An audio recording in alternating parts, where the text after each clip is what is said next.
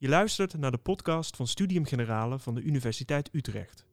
Met wetenschappelijke verhalen voor iedereen.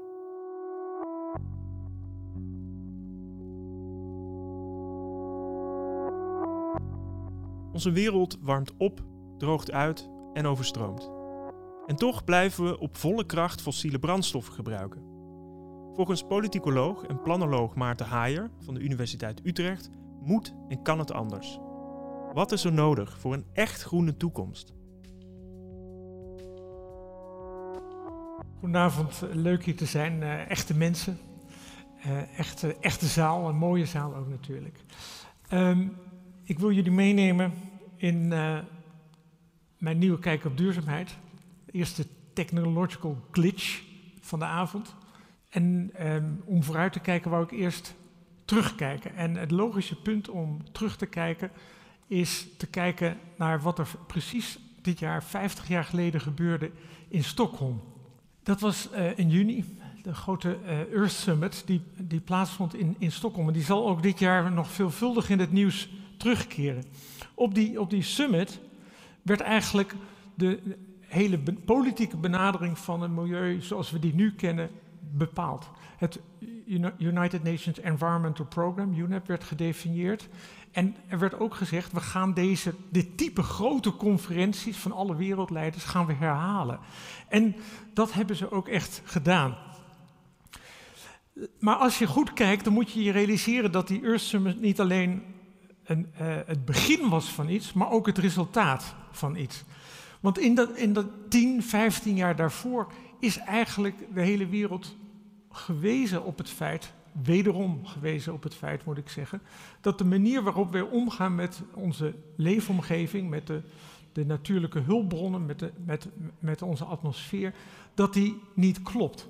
En het was een, in de jaren 60 een decade van grote rampen die ook mensen zeer hebben verontrust. Dus die Torrey Canyon olieramp was, een, was een, een, een, grote tanker die één keer in tweeën brak. En die dat hele gebied rond Cornwall met olie uh, vervuilde. Het was ook een decade, dat, uh, dat fotootje is geen grapje daar rechtsboven, dat om uh, insecten buiten de maatschappij te houden, auto's rondreden met een chemisch stofje wat ontzettend handig leek te zijn om, uh, om te voorkomen dat gewassen niet goed zouden groeien of, de, of, dat muggen zich zouden verspreiden, DDT. Maar wat enorme negatieve effecten had, die werden, die werden vervolgens werden, ja, hij doet het. Um, aangetoond door Rachel Carson. Zo, je zou kunnen zeggen dat misschien meer nog dan die conferentie van, van Stockholm. Dat boek Silent Spring van Rachel Carson eigenlijk het begin is van de moderne milieuproblematiek als een politiek verschijnsel. Die zetten op de agenda en dan zie je al direct wat er voor nodig is. Die deed niet, had niet alleen het onderzoek gedaan naar de effecten van DDT, maar die had ook de taal gevonden waardoor mensen voelden dit klopt niet. En het beeld bijvoorbeeld van dat DDT in moedermelk zat, of het beeld dat Eskimo's, die ongelooflijk ver van DDT afwoonden, dat daar ook DDT was aangetroffen. Dus dat dat zich helemaal had verspreid door het ecosysteem. Dat beeld bleef mensen bij. En natuurlijk die geweldige titel, Silent Spring. Dus als we zo doorgaan, zullen er geen vogels meer zingen in de, in de, in, in de, in de dag. Nou, dat was eigenlijk, zou je kunnen zeggen, een reden om dat te gaan kanaliseren. Want mensen waren ongerust, mensen gingen de straat op. Je had in, in 1970 enorm veel protest in de Verenigde Staten. En toen kreeg je dus een soort kanalisering. En dat was het United Nations Environment Program. En als je dit plaatje laat, op je in laat werken, dan zie je dat daar in de bovenste band staan allemaal conferenties die sindsdien eigenlijk zijn gehouden. Rio 1992, Johannesburg 2002, Rio 2012 en uh, nu komt er dan aan Stockholm 2022. Dus voortdurend komen die wereldleiders bij elkaar en die handelen dan op wat vaak wetenschappers hebben aangereikt als een groot probleem. Nou, misschien wel de beroemdste foto uit die milieudiplomatie is deze foto, die jullie ongetwijfeld allemaal kennen. Dit is de foto die volledig geanceneerd is natuurlijk, waarbij de wereldleiders samen zeggen: het akkoord voor het klimaat van Parijs is geaccepteerd. En ze, ze juichen en mensen huilden in de zaal, want nu waren de wereldleiders het eens over dat we dat grote vraagstuk van het klimaat aan zouden gaan pakken. Maar als je de kleine lettertjes leest, op het moment dat dit werd gevierd, was het akkoord nog niet klaar. De landen hebben vervolgens de belofte die ze hebben gedaan te laag gesteld voor wat wetenschappers menen nodig is voor het anderhalve graden of twee graden doel.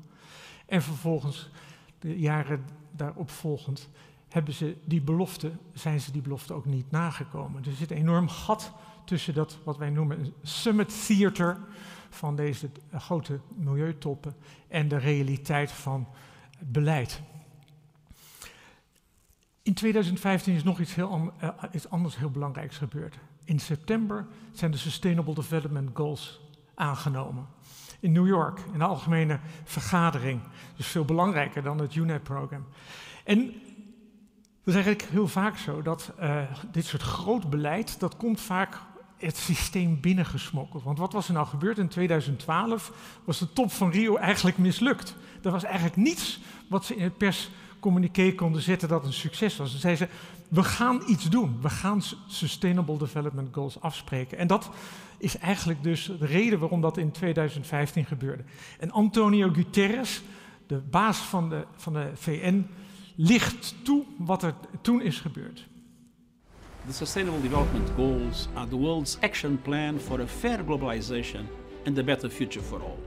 We have 10 years to bring that vision to life, and we can only get there together. That is why we have launched a decade of action to deliver the goals, to overcome poverty and inequality, to combat the climate crisis and advance gender equality, to build peaceful, just, and inclusive societies free of discrimination and hate in harmony with nature. Join us, step up, seize the moment, and let us work together to meet the goals, move our world forward, and leave no one behind. Nou, ik weet niet hoe het jullie vergaat. Maar het is nogal ambitieus. De decade of action, hè, dat hoor je nu heel vaak. We gaan in tien jaar de, de wereld redden. We gaan armoede en ongelijkheid gaan we uitbannen. We gaan leven in harmonie met de natuur en we gaan niemand achterlaten. Ja, ik zou zeggen, too good to be true. Dat, dit, kan, dit kan niet waar zijn. Er is in 50 jaar van alles gebeurd, maar het idee dat je in 10 jaar zo'n agenda met elkaar zou door kunnen maken, laten we hopen dat dat zo is. Mijn verhaal vanavond is niet een verhaal wat jullie tot pessimisme zal stemmen, maar ik vind dat hoop alleen gebouwd kan worden op realisme. En dit verhaal is voor mij eventjes nog een ambitie en niet een programma. Laat ik even jullie meenemen naar hoe ik zie dat de situatie ongeveer op dit moment eruit ziet. Het is onmiskenbaar waar dat er heel veel is gebeurd sinds 1972. Dit is Tokyo Bay in de jaren 70. Tokyo Bay was een van de allervieste plekken van de wereld. Als je daar je teen in, in het water stak, dan zag je alleen nog een botje. En die Tokyo Bay die ziet er nu zo uit. Ik ben daar geweest en ik kon het niet geloven dat dit die plek was, want ik wilde erheen. Ik wilde zien dat wat ik van vroeger me herinnerde, dat, dat, ik wilde zien hoe dat er nu uitzag. En dat is gewoon gelukt. Ze hebben die hele vervuilde B, die hebben ze gesaneerd en dat is fantastisch mooi geworden. In Nederland hebben we allerlei problemen opgelost. Een aantal dingen zijn echt veel beter gedaan. Dus zure regen, daar wordt nog wel eens van gezegd, ja, dat, dat was helemaal niet bestaand probleem. Nou, was wel degelijk een bestaand probleem. Sterker nog, het is ook nog niet helemaal weg. Maar doordat er goed beleid op is gevoerd, met name door de, de zwaveldioxide uit de, uit de pijpen te halen en door auto's filters te geven om de NOx uit uit de emissies te halen, is inderdaad dat, dat verschijnsel van die uh, stervende bomen veel minder, heeft zich veel minder gemanifesteerd. Maar stikstofproblemen, daar hoor je natuurlijk ook nog wel het een en ander over en dat heeft wel met elkaar te maken.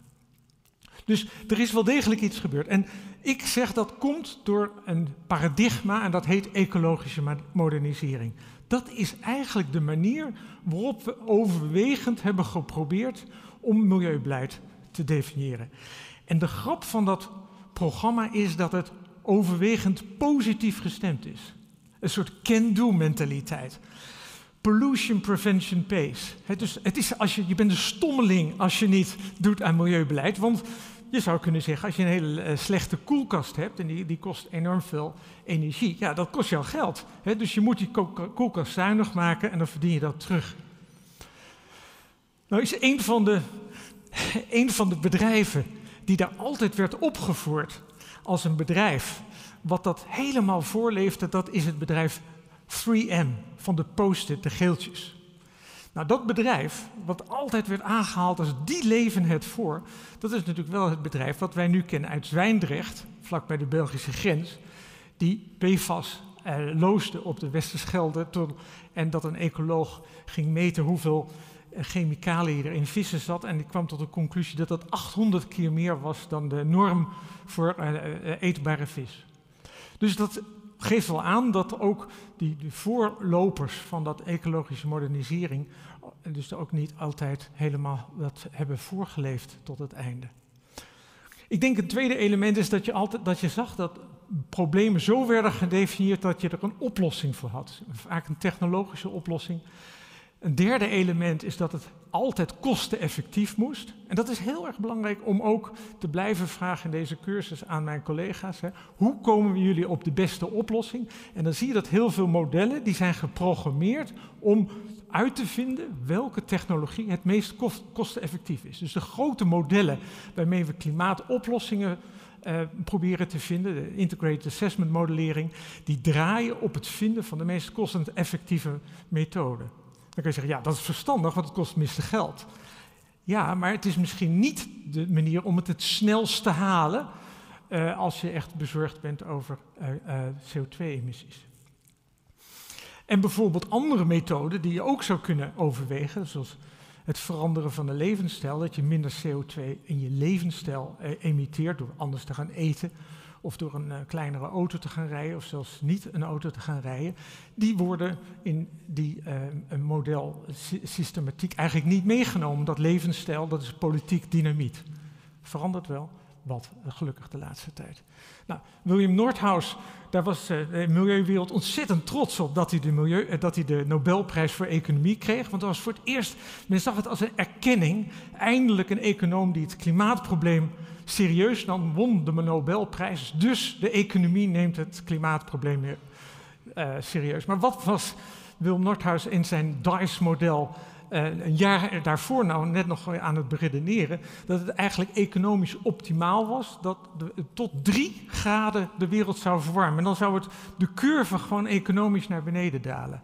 Nou, dat kan natuurlijk, dus dat model kan dat zeggen. Maar het geeft wel aan dat in de economenlogica een andere wereld eigenlijk wordt gerepresenteerd en voorgeleefd dan de wereld van Parijs, het akkoord van Parijs. Want daar werd gezegd, we moeten ernaar streven anderhalve graden maximale opwarming te hebben. En dat had er weer mee te maken natuurlijk dat anders een aantal lidstaten van de Verenigde Naties, de kleine eilandstaten, gewoon niet meer zou bestaan. Dus de, het was voor de milieudiplomatie natuurlijk onbestaanbaar dat je een akkoord zou afsluiten hè, over 2 graden klimaatopwarming, als dat zou betekenen dat de Malediven zo onder water zouden staan. Dus dat, vandaar dat toen in Parijs, eigenlijk voor veel mensen onverwacht, dat anderhalve graden doel eraan toe is gevoegd. Nou, dat laatste, dat is het type onderzoek wat ik graag doe. Ik zeg dat er dat is in die milieupolitiek dat er een soort cockpitisme is. Dus dat is een, ik ben doe veel aan onderzoek naar bestuurskunde. En de cockpit, dat is de suggestie dat je in de, op de planeet dus een groep mensen hebt die die planeet kan sturen. En dat is natuurlijk wat je ziet bij zo'n akkoord van Parijs. We bespreken dat met de wereldleiders en dan gaat de wereld de andere kant op. Nou ja, overwegend is dat uh, nog niet helemaal het geval. Maar ik kan daar nu niet verder op ingaan. Het goede nieuws is dat ondanks het feit dat een aantal van die dingen dus uh, ja, best een beetje uh, traag zijn en, uh, en, ook op de verkeerde premissen zijn gebaseerd, dat we toch nu wel moeten zeggen, dat zag je aan Guterres, er is een brede erkenning van de problematiek. Dus klimaatontkenners, dat was echt tien jaar geleden bestond dat nog in de kranten en dergelijke, maar het is nu bijna niet meer aan de orde. Dus iedereen erkent het probleem. Maar nu krijg je natuurlijk een andere fase van hoe gaan we dan het aanpakken? En dan krijg je weer nieuwe meningsverschillen. Nou, in Nederland hebben we akkoorden op hoofdlijnen, ambitieuze doelstellingen, heel veel geld beschikbaar, 35 miljard beschikbaar voor, uh, voor uh, klimaatbeleid en groene industriepolitiek. En mondiaal, terwijl het wel is afgesproken om heel veel geld over te maken naar armere landen, die tenslotte niet hebben bijgedragen aan het probleem, daar blijft die financiering juist uit. Een ander punt wat ik heel belangrijk vind, en dat is wezenlijk anders dan eh, zo'n 10, 15, 20 jaar geleden, dat we nu consequent spreken over een rechtvaardige transitie, just transition. Dus ik weet niet wie van jullie was er bij de eh, klimaatdemonstratie uh, najaar in Amsterdam. Toen ik, toen ik daar was, toen viel mij één ding op, dat iedereen riep climate justice now. En, en een paar jaar geleden riep niemand dat. Een paar jaar geleden riep iemand uh, climate change has to stop, of zoiets. Maar dus het, inmiddels weten we allemaal dat de enige oplossing die acceptabel is, mondiaal gezien, maar ook in Nederland, die zal een rechtvaardige oplossing moeten zijn. Dus dat is heel breed gedeeld. En ik geef jullie op een briefje de nieuwe ministers, uh, Rob Jetten bijvoorbeeld van, van Klimaat, die zullen dat voortdurend benadrukken. Vanavond brief van Hugo de Jong over de verstedelijking. Rechtvaardigheid, heel erg belangrijk. En er wordt voorzichtig gesproken, heel goed, over decolonizing sustainability.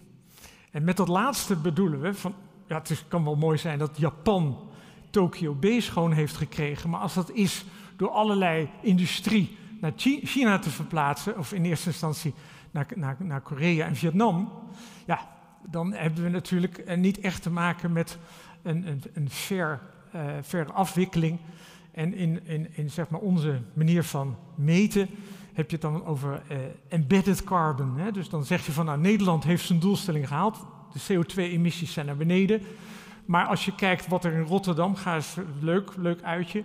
Ga eens uh, op de pier staan bij Hoek van Holland. En dan zie je dus die mega uh, schepen binnenkomen. Daar zitten al onze iPhone-schoenen en alles in. En die zijn natuurlijk in fabrieken gemaakt. En al die carbon, telt die nou voor China of telt die nou voor ons? Nou, in, de, in het systeem nu uh, telt dat niet in ons, ons systeem mee, maar met dat embedded carbon wel. Want dan zeg je dat is productie voor ons en die moet je eigenlijk hier rekenen. Dus je zou kunnen zeggen, er gebeurt een hele hoop goeds. Maar nu, om hoopvol te kunnen zijn, moeten we een koppeling leggen tussen wat er, wat er dan eventueel goed gaat. En klopt nou onze theorie van verandering? Kunnen we navolgbaar zeggen: oké, als dit en dit gebeurt, dan gaan we het klimaatdoel halen. Dan gaan we zorgen dat die circulaire economie met een heel laag grondstoffen extractiepatroon, dat die echt in 2050, want dat is het doel, dat die er dan is. Hè, 2050, Nederlandse economie compleet circulair. Hartstikke mooi ideaal. Wat is onze theorie van verandering? En past die theorie van verandering op de uitdaging waarvoor wij staan? Nou, hier zijn een paar van die realistische momentjes. Dus hier zie je al die conferenties die dus sinds 1972 hebben plaatsgevonden. En in 1992 hebben we het, het klimaatakkoord getekend en vergaderen we en proberen we om dat klimaatprobleem te beteugelen. Maar je ziet dus dat die emissies die blijven stijgen. Dus dat ideaal wat je eigenlijk hebt van een ontkoppeling van economische groei of van welzijn en grondstoffengebruik, nou in dit geval, in dit grafiekje, zie je die niet. Er zijn ook manieren om te zeggen, nou, als we inderdaad dat doel van anderhalve graad serieus nemen, dan hoeveel carbon, CO2, blijft in de atmosfeer zitten, breekt niet zomaar af.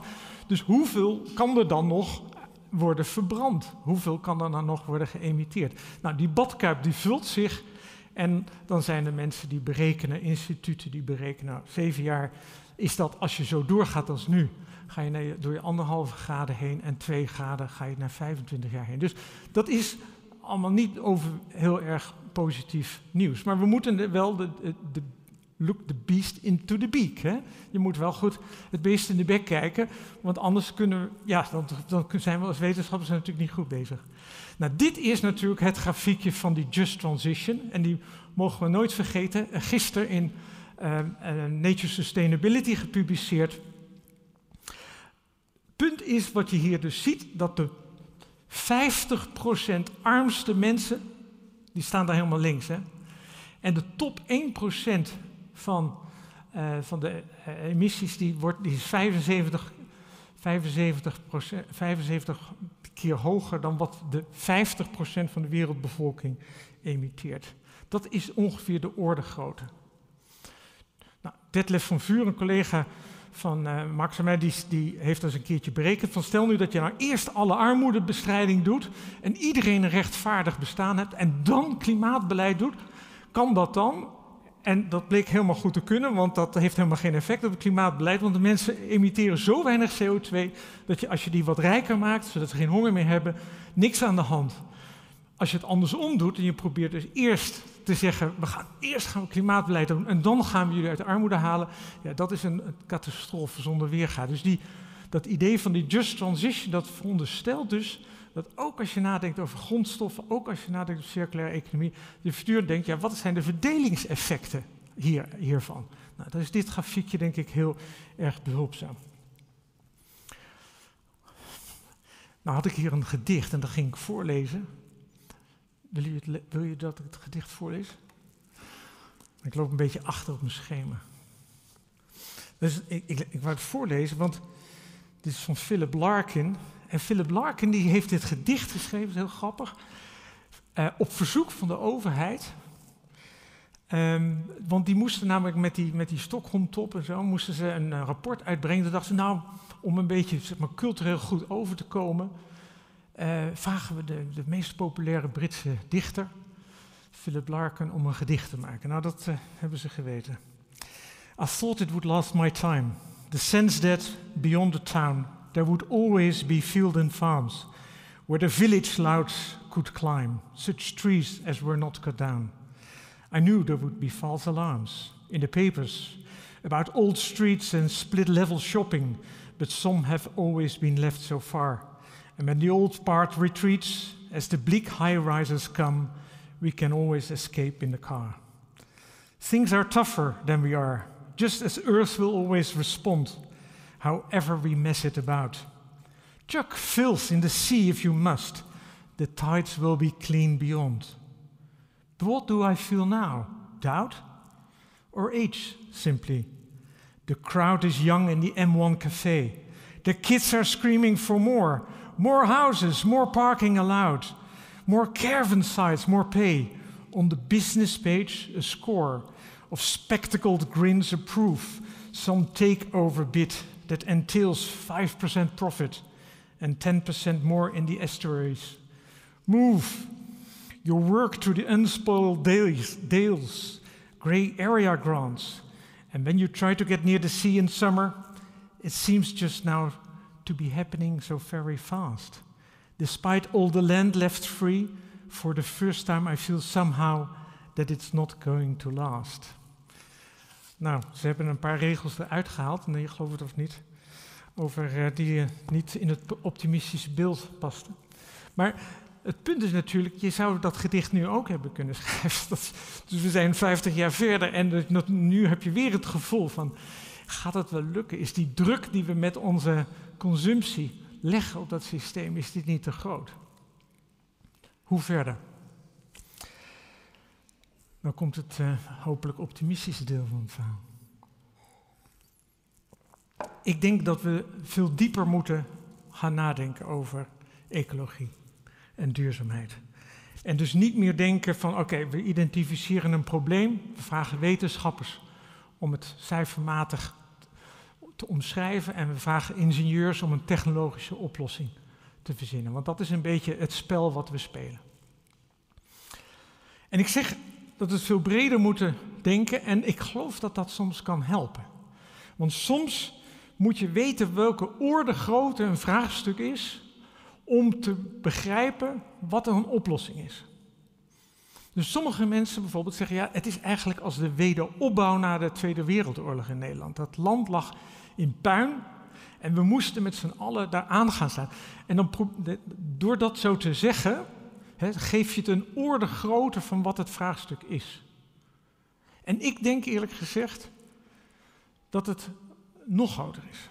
Ik denk dat je moet, moet zeggen dat we te maken hebben met het vraagstuk van de eeuw. Dus, en dan zeg ik het als volgt. Dus in de 19e eeuw, dat was de eeuw van de, eigenlijk de, het industriële kapitalisme. We hebben enorm veel geld verdiend voor het eerst omdat we wisten hoe we die fossiele brandstoffen moesten gebruiken. Krankzinnig veel geld verdiend. En, en, en, en auto's gemaakt en, en stoommachines en, en, en fantastische welvaartseffecten. De 20e eeuw, dat is de eeuw van de emancipatie. Dus de eeuw waarin iedereen in westerse wereld kiesrecht kreeg. Dat was voor die tijd niet. In de 19e eeuw kregen bedrijven voor het eerst een juridische status. Voor die tijd hadden ze dat niet. In de 20e eeuw kregen alle burgers kiesrecht.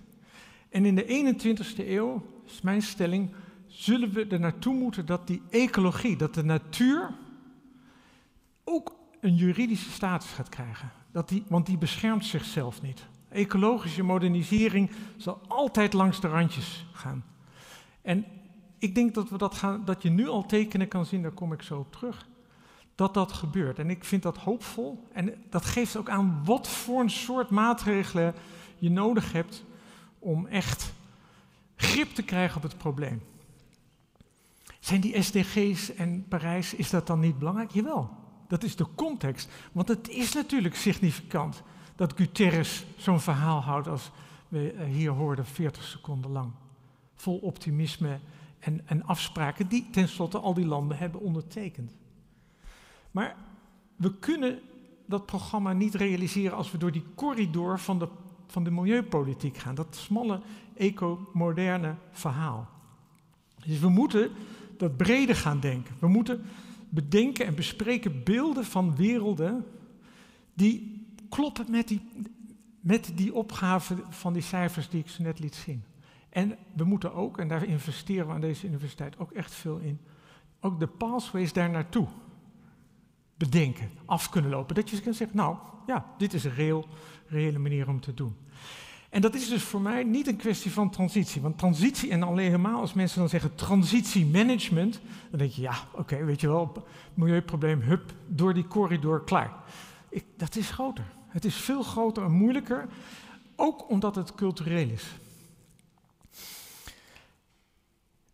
Als we dat niet doen, dan komen we in een wereld waarbij we dus steeds te laat effecten uh, er iets aan doen. En dus steeds vaker zullen we worden overweldigd door de consequenties van onze trage handelen. Denk aan de milieurampen als de branden in Californië, de overstromingen in, in, in, Duitsland, noem maar op, die aan, klimaatverandering gerelateerd zijn. En wat mijn doembeeld dan is, is dat we dan nog doorgaan met die ecomoderne manier van kijken. En dat je dan gaat zeggen, nou, dan moeten we misschien maar kijken of we die zon een beetje tegen kunnen houden. Want dan wordt ook die, uh, die instraling van de zon op de aarde minder. En dan zal die opwarming kunnen worden afgerend. Maar dat is een soort Frankenstein-achtig principe waarbij je niet weet, hè, op het moment dat je iets doet, wat het effect is. En dat doe, ga je niet experimenteren op een akkertje. Dus dat is een, een soort duivels scenario voor mij, waar je eigenlijk ook politiek niet terecht moet willen komen. Je moet dus een andere benadering kiezen. En ik geloof dat die cultureel moet zijn. Dat het gaat over onze waarden. Dat we niet meer moeten willen vervuilen. Dat dat niet is omdat die overheid ons dat oplegt, maar omdat we vinden dat het niet klopt. Die, als, we zo'n waardeverandering voor elkaar zouden kunnen krijgen, dan zou je veel grotere impact kunnen hebben op milieu. Positief in, dan, in dit geval. Nou, om dat weer realistisch te doen, moeten we ons wel realiseren dat onze hele cultuur van fossiele brandstoffen aan elkaar hangt. Voor mensen van uh, middelbare leeftijd, mannen van middelbare leeftijd, is de Harley Davidson zo ongeveer het hoogst behaalbare. De Porsche, de Ferrari. Dat zijn de grommende monsters van uh, fossiele brandstof die uh, culturele waarde vertegenwoordigen. Natuurlijk, als mensen voor het eerst op een, een vliegzonvakantie kunnen, is dat een, enorme asset in hun leven. De beleving van wat waardevol is in ons leven, heeft heel veel te maken met het domme feit dat we zo ongelooflijk goedkope brandstof hebben in deze periode van onze civilisatie. Ja, vertel.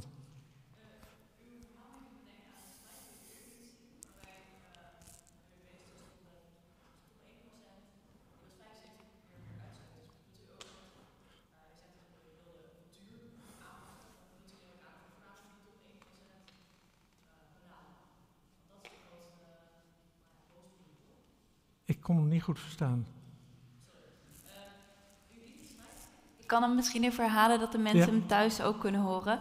Ze zei, je liet net die slide zien waarop je kon zien dat die top 1%, die is vooral het probleem. Ja. Moeten we dan niet vooral de cultuur van die top 1% aanpakken? Ja. is haar vraag. Nee, dat, is, eh, dat kan ik heel makkelijk ja beantwoorden. Dus die, eh, ook als je kijkt gewoon uh, hoe, uh, domweg naar vlieg, flightgegevens, wie daar vliegen, dat is een heel klein deel van, van de wereld natuurlijk die heel veel vliegt.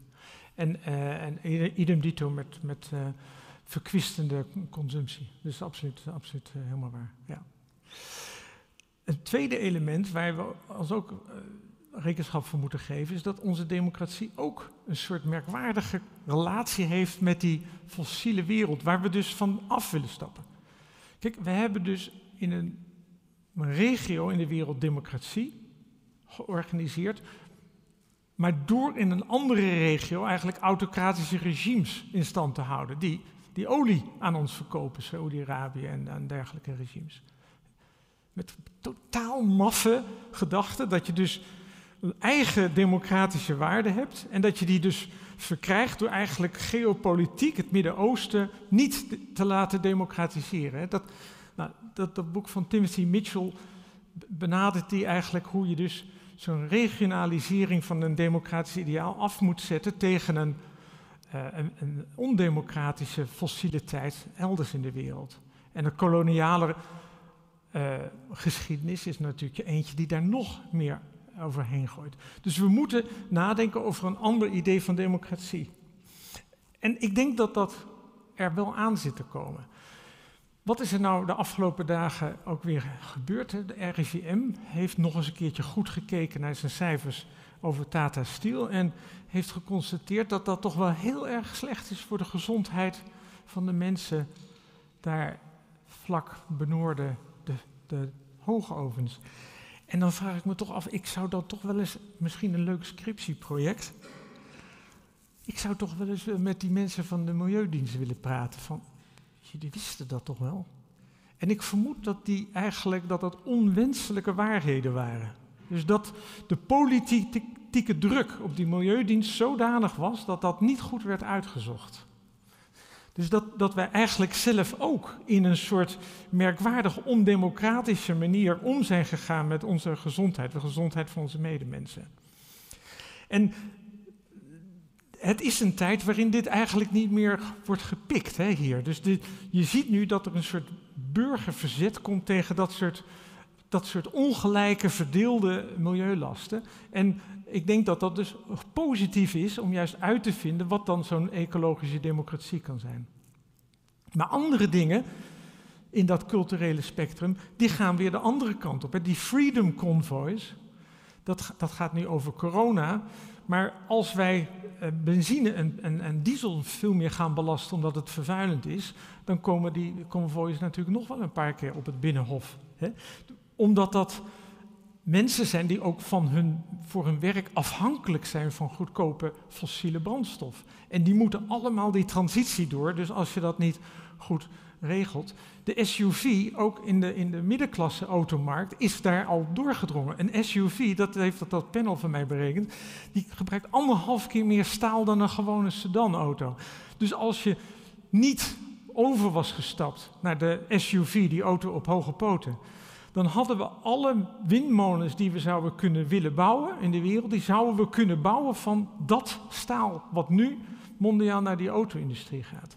Dus we, we blijven dus steeds verlangens creëren voor mensen om nog meer uh, uh, grondstoffen te gebruiken voor hun consumptie. Dus die, de duurzaamheidstransitie is fenomenaal. Om die transformatie aan te gaan, moet je rekenen met veel weerstand. En we moeten dus eigenlijk niet alleen willen duwen, maar je moet eigenlijk ook kunnen trekken. En trekken aan die maatschappelijke verandering, doordat je beelden hebt van een wereld die beter is. Nou, dat is iets waar wij, uh, waar wij uh, wel mee bezig zijn. Nou, Peter Kuipers-Munneke, die kennen we allemaal. Dat is uh, een van de meest betrouwbare mensen in Nederland. Want de weerman is, is een van de betrouwbaarste mensen in, in de, iedere keer weer gemeten. Uh, en uh, Peter die, die, die vertelt natuurlijk ook wel eens de gewone burger over klimaatverandering. Maar die heeft nu, schreef een column vorige week in de NRC en zei... Ja, eigenlijk is mijn vak een raar vak, want ik los nooit wat op. Ik, ik, ik zeg alleen maar dat iets niet goed gaat. Ik wil eigenlijk ingenieur zijn of politicoloog of zo. Iets doen waardoor ik een oplossing vind. En nou, het goede antwoord, of goede nieuws voor Peter Kuipers-Munneke is... we hebben elkaar nodig. Dus dit is een manier waarop ik denk dat we, we kunnen zien hoe we misschien een grotere benadering kunnen gaan maken, waarbij we wel die beweging maken die groter is dan ecologische modernisering. En dat begint onderaan de trap. Dus we hebben 50 jaar gezegd, als we niet minder uitstoten, limits to growth, dan gaat de, de wereld eraan. We hebben vervolgens morele oproep gedaan, laat die auto toch eens een keertje staan, of eh, weet je, dat, dat, soort, dat soort verhalen. We hebben scherpere regels bepaald. En uh, beprijzing, dat gaat nog niet makkelijk, maar guess what? De CO2-prijs, waarvan we altijd zeiden, die moet naar 100 euro, die gaat inmiddels richting de 100 euro. En dan gaan bedrijven, niet omdat ze het milieu willen redden, iets veranderen, maar omdat het te duur wordt, iets veranderen. Dus dat is eigenlijk heel goed nieuws. Dus die regels die hadden we al een tijdje, maar langzaam worden die dwingender. Dat is positief. Transitie betekent dat je sommige dingen die nog goed functioneren, dat je ermee ophoudt. Nou, Nederland, hele grote voorbeeld van. We hebben hier in 2008 vergunning gegeven voor grote hypermoderne kolencentrales. Diezelfde centrales die worden nu afgekoppeld. Dat, dat, dat is toch wel onwaarschijnlijk. Hè? Dus dat kost natuurlijk ongelooflijk veel geld. Want die bedrijven zeggen ook, ja dat is mooi, ik heb, uh, het is nog niet afgeschreven. Maar we waarderen dus technologieën af die in principe nog werken. Dat geeft dus aan dat we al een andere benadering, dat we al verder zijn. Maar waar we volgens mij echt tekort schieten, is het iedereen beelden geven van een toekomst die aantrekkelijker is dan het heden. Heel veel mensen denken, de mensen die, die, die, die, die milieufreaks, die nemen ons wat af. Nu hebben we geluk en met die, met die, met die mensen, dan, dan, gaan we naar de stenen tijdperk. Eén peertje per huishouden. Maar dat is eigenlijk raar, hè? Het idee dat je op de top van de civilisatie leeft. En nou, we hebben er bij de Urban Future Studio een paar benaderingen, proberen we dat te, te spiegelen. Bijvoorbeeld door ook de, te kijken naar de absurditeit van het heden. Dus als ook iedereen denkt, het heden is perfect, en dan laten we foto's zien van dingen die niet perfect zijn. Bijvoorbeeld uh, een hele grote supermarkt met allemaal vlees wat in de cellofaan verpakt zit. Dus rood vlees in cellofaan verpakt. Kijk, ik denk dat over zeg maar 10, 15 jaar dat heel raar eruit ziet. En voor ons is het nog normaal. Maar als, ik dat, als we dat dan in onderzoek een beetje toetsen op groepen, dan zeggen mensen, ja, dat is eigenlijk misschien wel gek dat je vlees in de vriezer stopt. Vlees van een dier enzovoort. Maar goed, die verbeelding, daar kunnen we nog wat vinden. Daar ga ik wat over zeggen. En nieuwe visies op het goede leven. Dus dat je dus net zo goed als vroeger mensen niets liever wouden dan een auto. Van als ik geld genoeg heb, dan stap ik in een auto. Want dat is vrijheid. Dan moet je dus nadenken, oké, wij moeten die andere visies gaan creëren. En daar kunnen wetenschappers een rol spelen. En de bovenste tree, dat is die nieuwe constitutionele orde, de natuurrechten geven. En guess what? Ecuador, Buen Vivier, heeft dus de natuurlijke orde in de grondwet beschermingende status gegeven. In Chili is een president gekozen die dat als voornemen heeft. Dat is een van de redenen, naast de sociale ongelijkheid die die aan wil gaan, dat die president gekozen is. Ze veranderen dus wel degelijk dingen. Wat kunnen wij doen? Nou, wij kunnen kijken, hoe kunnen we dat versnellen dat de natuur een rechtspersoon kan worden? Dus dat een advocaat voor zeg maar, een rivier die vervuild is, kan optreden in een rechtszaak. Dat, daar zijn al voorbeelden van in de wereld. Dat kun je versnellen, juridisch onderzoek naar doen. Hoe kunnen we de belangen van toekomstige generaties in onze besluitvorming een rol geven? Nou, je kent misschien het boek The Good Ancestor van Roman eh, Krasny. En die heeft een prachtig voorbeeld van Japan, waar je uh, in een soort burgerberaad hebt. Dan komen 50 mensen uit een stadje bij elkaar om te spreken over de toekomst. En die, die mogen besluiten nemen, dus adviserend aan de gemeenteraad. En van die 50 mensen krijgen er 10 een rode kimono. En die rode kimono, dat betekent dat je moet denken als iemand uit 2060. Waardoor dat gesprek dus verandert. Dus die toekomstige generatie zitten in dat gesprek. En krijg je dus ook dat die langere termijn opeens door gaat klinken. Klinkt dat gek? Nog wel. Maar het idee dat, dat als we zeggen voortdurend wint de korte termijn het van de lange termijn, dat je dan politicologisch gaat denken, ja, hoe kunnen we daar wat aan doen? Nou, met dit soort ingrepen, ik denk dat dat iets is waar je onderzoek naar kan doen. Wat gaan we eten? Waar halen we onze, onze goede voeding vandaan als het niet meer uit, uit, uh, uit zo'n zwaar vleesdieet uh, kan komen? Waar, waar, wonen we? Waar leven we? Wat voor wijken zijn er? Cartesius driehoek, hè, nu nog een uh, raar terreintje voor rijlessen.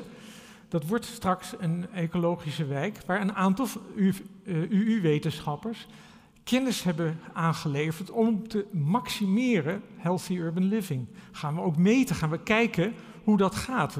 Klopt het inderdaad dat het daar gezonder is? Groene chemie, misschien binnenkort wel op de campus een proefopstelling van een, van een groene raffinaderij, die dus niet meer op petrochemie werkt, maar die op groene chemie werkt. Nieuwe materialen, laten we niet vergeten, staal en cement, 15% van de CO2-emissies alle gebouwen die je om je heen ziet, ja niet hier natuurlijk, want dit is veel ouder, maar kijk bij het uh, Utrechtse station, allemaal staal en cement. Zeg je nee, er is ook één gebouw met hout. Ja, alleen op de façade. Maar die andere materialen, dat kan hout zijn, maar dat kan ook nanomaterialen zijn, daar wordt nu natuurlijk onderzoek naar gedaan. En hoe krijgen we die pathways? Wie zijn die agents of change? Hoe gaan we beslissen? En wat past bij onze ambities en verlangens. Het zijn allemaal onderzoeksagenda's die nu moeten worden gekoppeld aan zo'n milieuagenda van de circulaire economie. En dat kunnen we samen doen. Dat is het mooie van, van, van interdisciplinair samenwerken. Dat we gaan kijken, stel nu dat je deze levensstijl in dat model stopt. Wat komt er dan uit? Is dat misschien effectiever dan een kosteneffectieve maatregel? Omdat de normen veranderd zijn. En een paar modelruns die zijn gedaan met het image-model geven aan dat levensstijlverandering inderdaad heel erg effectief kan zijn. En we kunnen, naast dat we dat modelmatig doen, we kunnen het natuurlijk ook laten zien. Nou, dit is een, een voorbeeld van een, van een boek wat wij bij de Urban Future Studio hebben geschreven. Daar hebben we eens gekeken van, waar kunnen we niet wijken identificeren in het buitenland die veel ambitieuzer zijn dan hier? En dat deden we met name omdat hier we hebben een project dat heet aardgasvrije wijken. Maar dat is negatief. Dat is dus niet meer fossiele wijken. Maar ik vind dat je taal moet gebruiken om mensen te laten zien wat, waar je naartoe beweegt. Dat het een wijk is die veel, veel meer levenskwaliteit geeft. Nou, in dit boek staat een voorbeeld van een wijk in uh, Zwitserland, in Zurich.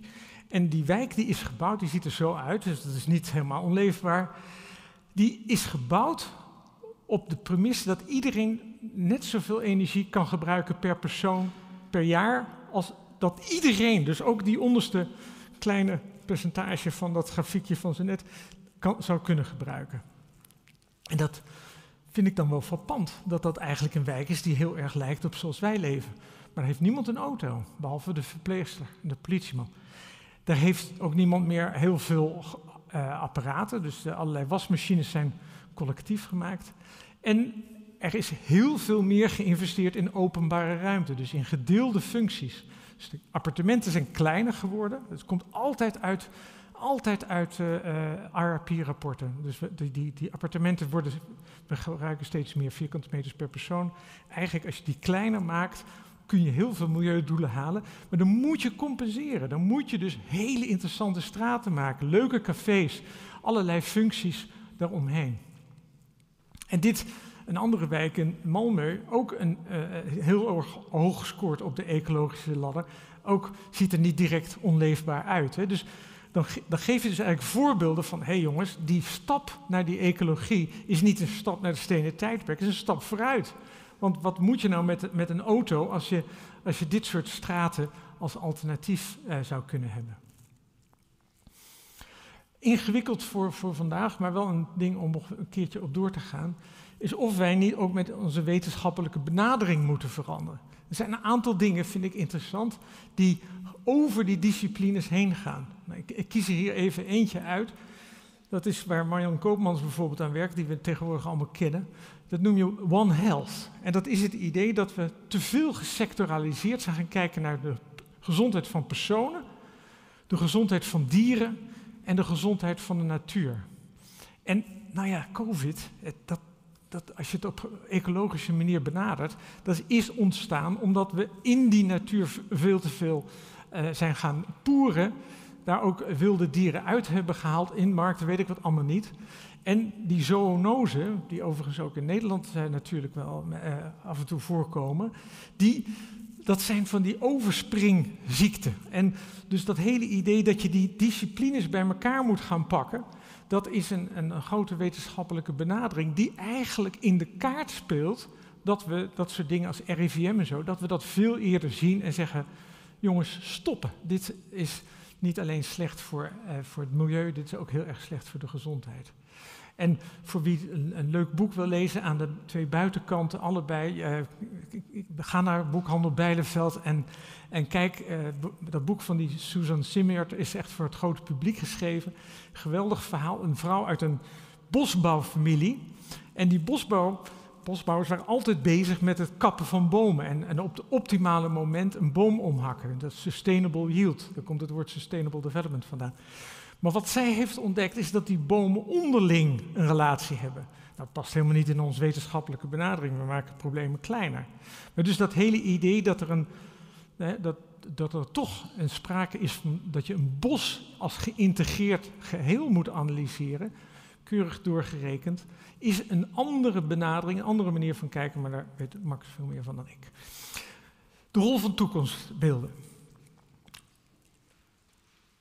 Eén ding wat je volgens mij moet blijven behouden, is dat wij heel veel kracht kunnen putten uit het feit dat we, als we zelf ons vertrouwen, dat wij andere toekomsten denkbaar kunnen maken en daar woorden aan kunnen geven. Want woorden sturen, woorden beïnvloeden het denken. En dat hele idee van modernisering, ik geloof niet eerlijk gezegd dat dat ons op de juiste spoor brengt. Ik denk dat die sociaal-ecologische samenhang dat dat veel spannender is. Dus dat je voortdurend kijkt, klopt die landbouw wel, zoals we hem nu praktiseren, in termen van de uitputting van de grond, uh, het type manier waarop welke gewassen we daar laten groeien, klopt die wel in de manier waarop we eh, al dan niet gewassen laten roteren? En klopt die ook wel met een ontwikkeling van het platteland die past bij hoe een land zijn eigen omgeving ziet. Nou, ik weet niet of jullie wel eens buiten de stadsgrenzen komen, maar zeker als je naar Friesland rijdt, dan is het één groot grasgebied wat allemaal eigenlijk veevoer is voor koeien die melkpoeder produceren voor de mondiale markt. Daar is eigenlijk die hele sociaal-ecologische samenhang is verdwenen. Dus dat hele idee van de boer in het Friese landschap, die is er niet meer. Er is een boer in een mondiale melkproductiemarkt. En als je die boeren spreekt, we hebben onderzoek naar die boeren gedaan, die zitten daarmee. Niet als ze natuurlijk uh, worden geconfronteerd met allerlei beleid waar ze niet op zitten te wachten, dan zijn ze gewoon boos. Maar ze zitten wel degelijk mee. Dat hun manier van produceren maakt dat alle akkers, alle hoeken moeten worden benut. En er niets meer overblijft voor, voor, uh, voor, de, voor de grutto of voor, uh, voor, voor allerlei andere biodiversiteit. En dat, daar is dus eigenlijk die sociaal-ecologische samenhang is kapot geknipt. Daar zou je natuurlijk op kunnen reageren. Misschien moet je wel zeggen, alle landbouw moet de biodiversiteit verbeteren. Als een premisse, een beleidspremisse. Zoek het maar uit, boeren. En dat kunnen boeren natuurlijk, maar dan moet je die regel moet en de subsidie moet je dus wel heel goed daarop zetten. Nou, ik ben ook niet zo enthousiast over dat wat iedereen gebruikt, het antropoceen. Want ja, wat zegt dat eigenlijk? Hè? Dat zegt dus geologisch. We leven nu in een tijd waarin wij als mens zoveel impact op de planeet hebben dat het geologisch meetbaar is. Nou, gefeliciteerd. Is het nou, is het nou een motiverende kracht om het anders te gaan doen? Nee.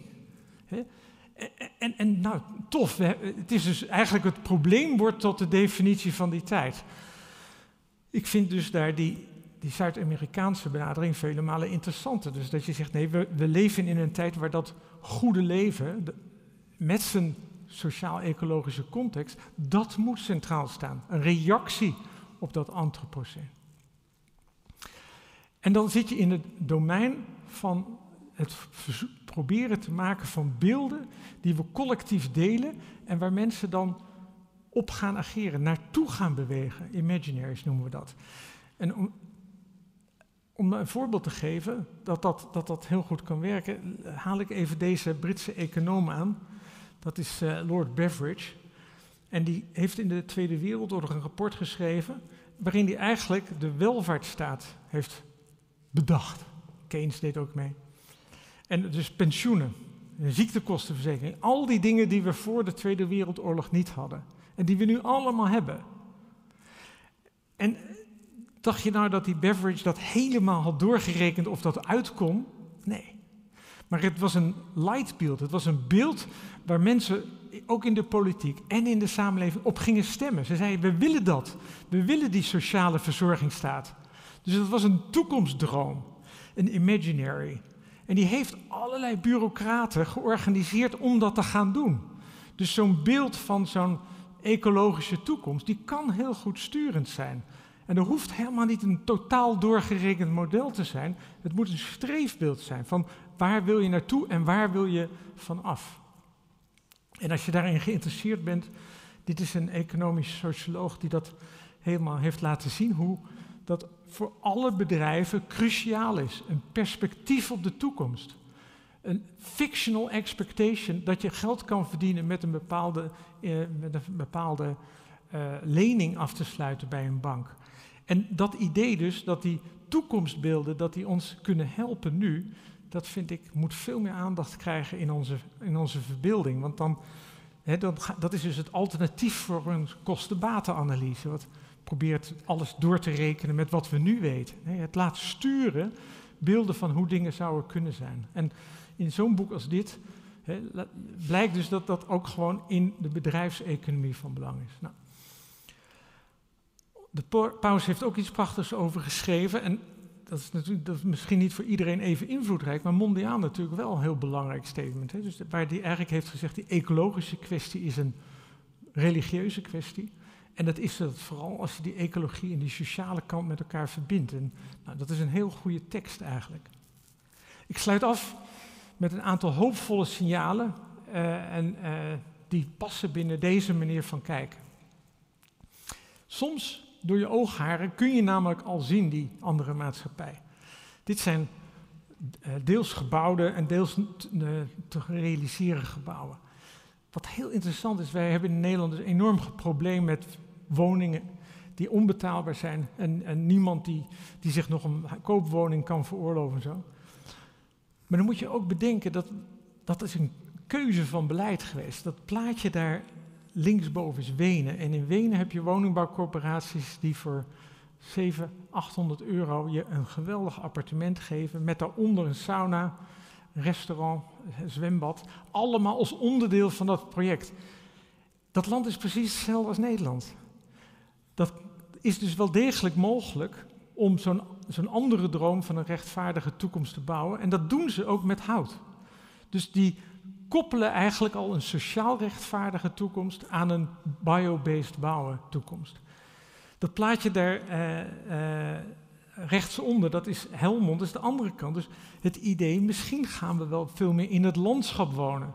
Dit is uh, Kuipers compagnon die daar een, een, een, een, stadsdeel aan het bouwen is. Waarbij dus, je ziet die straten niet meer. Hè? Dus het is helemaal woningen in het groen gebouwd.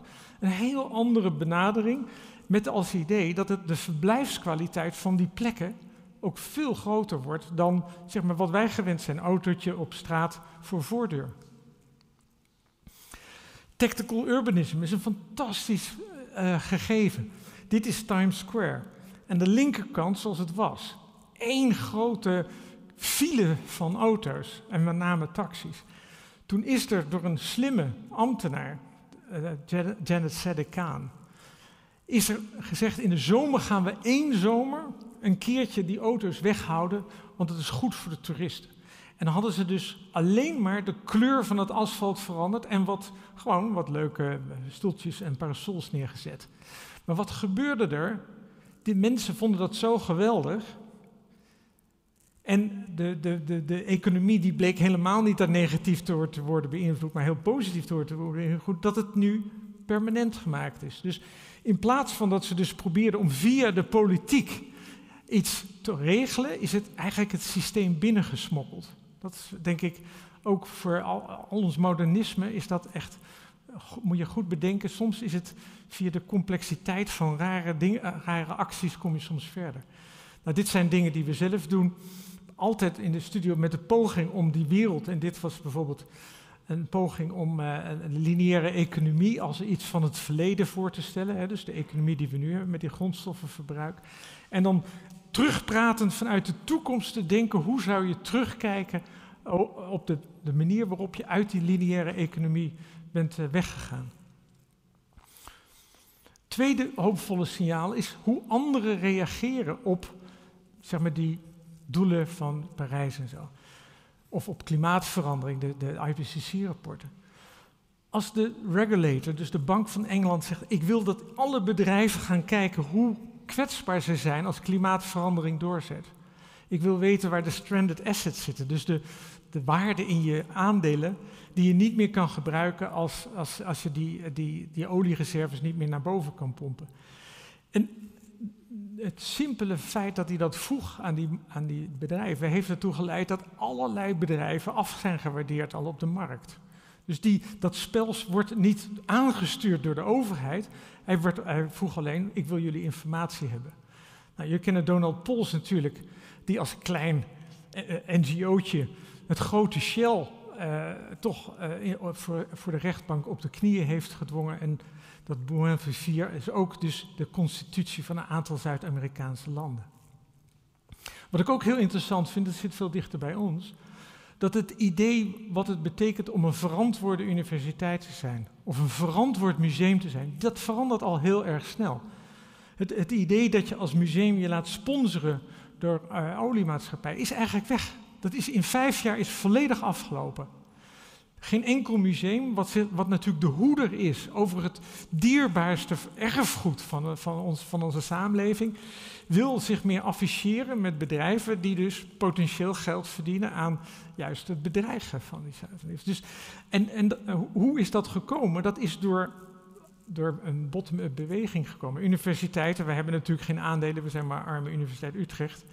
Maar Amerikaanse universiteiten zijn uh, uit aandelen in fossiele bedrijven gestapt onder druk van studenten. En in Nederland ABP, waar onze pensioenen zitten, ook onder druk mede van studenten is dat veranderd. Misschien hoeven we het niet altijd samen te doen. Dit is de nieuwe uh, charismatische uh, van Duitsland. Die zegt, we gaan niet meer wachten tot alle landen meedoen. Want dan is altijd Saoedi-Arabië die, die weer niet tekent voor een klimaatakkoord. We gaan met een kopgroep vooruit. En dat klopt. Want wat heb ik daar rechtsonder gezet? We weten uit, uit de beleidswetenschap dat als Californië of als de EU scherpe regelgeving heeft afge, uh, gestemd voor scherpe regelgeving, bijvoorbeeld de auto's, dat de hele wereld volgt. Domweg omdat een autoproducent niet voor de EU een andere auto gaat maken dan voor Azië. Dus je kunt met, met een kleine coalitie, nou Duitsland is natuurlijk helemaal geen klein land, kun je een maximaal effect hebben. Dan moet je dus wel wegstappen uit dat multilateralisme van de VN. En tot slot Just Transitions, het idee van bottom-up. Misschien leggen we soms die maatregelen ook wel veel te veel op en vragen we te weinig aan mensen, wat willen jullie nou eigenlijk? Waarom zou die overheid nou niet eens wat vaker zeggen, wij willen verduurzamen, maar eerst wil ik luisteren naar wat jullie zorgen zijn. Wij willen aardgasvrij, maar ik wil graag weten wat jullie zorgen zijn. Wij deden voor dat boek onderzoek in Toronto. En dat is Soraya Ibrahim aan de linkerkant. Dat is een activiste die eh, met een migratieachtergrond in Toronto op een gegeven moment dacht: hé, hey, ik heb mijn toekomst hier, mijn kinderen hebben hun toekomst hier. Ik ga vechten om te zorgen dat die wijk voor mij goed is. En die zei, wij willen bijvoorbeeld, niet die duurzaamheid is jullie ding, wij willen een supermarkt waar ik ook en al die andere migrantengemeenschappen ook gewoon op loopafstand hun spullen kunnen halen. En dat is gelukt. En wat krijg je van de weeromstuit? Dus dat die hele gemeenschap politiek veel meer betrokken is bij de ontwikkeling van die wijk, doordat ze dus die ruimte hebben gekregen. Dit is de conclusie. The planet will be okay. Dus laten we niet vergeten, de planeet die draait gewoon door. En uh, of, we er nog, uh, of, of, wij daar het nog aangenaam hebben of niet, daar gaat het natuurlijk niet om. Het gaat in duurzaamheid gaat het om een samenleving te maken die waard is geleefd te worden, die rechtvaardig is. En waar je niet lijdt onder de uitputting die je vorige generaties of die anderen hebben veroorzaakt waar jij last van hebt als je in landen woont die, die door water, uh, zeespiegelstijging worden bedreigd of door extractie van uh, grondstoffen ver weg. Ik denk dat de bewustzijn nu echt heel veel breder en geleefder is dan in, 2000, in, in 1972. Maar dat betekent eigenlijk niet dat we nu op execute kunnen drukken. Het betekent dat je weer opnieuw moet nadenken wat die milieu, waar die milieupolitiek over gaat. En ik denk dat de manier waarop we tot nu toe hebben gedaan, die ecologische modernisering, dat dat een te nauw gedefinieerde benadering is. Ik geloof dus dat we die sociaal-ecologische relaties moeten pakken. Dus de, hoe wij samenleven met die natuurlijke omgeving en die relatie ook moeten herstellen. Ik had vroeger volkstuintjes. Ik wist hoe een, uh, hoe een aardappel niet groeide. Maar dus dat hele idee dat we daar weg van zijn bewogen, is denk ik ook wel een dingetje. En ik geloof dat soms het helpt als je iets groter maakt. Dus ik zie dit als de uitdaging van de eeuw. Want als je op die manier durft te denken, dan durf je ook in grote oplossingen te denken. Dank jullie voor je aandacht.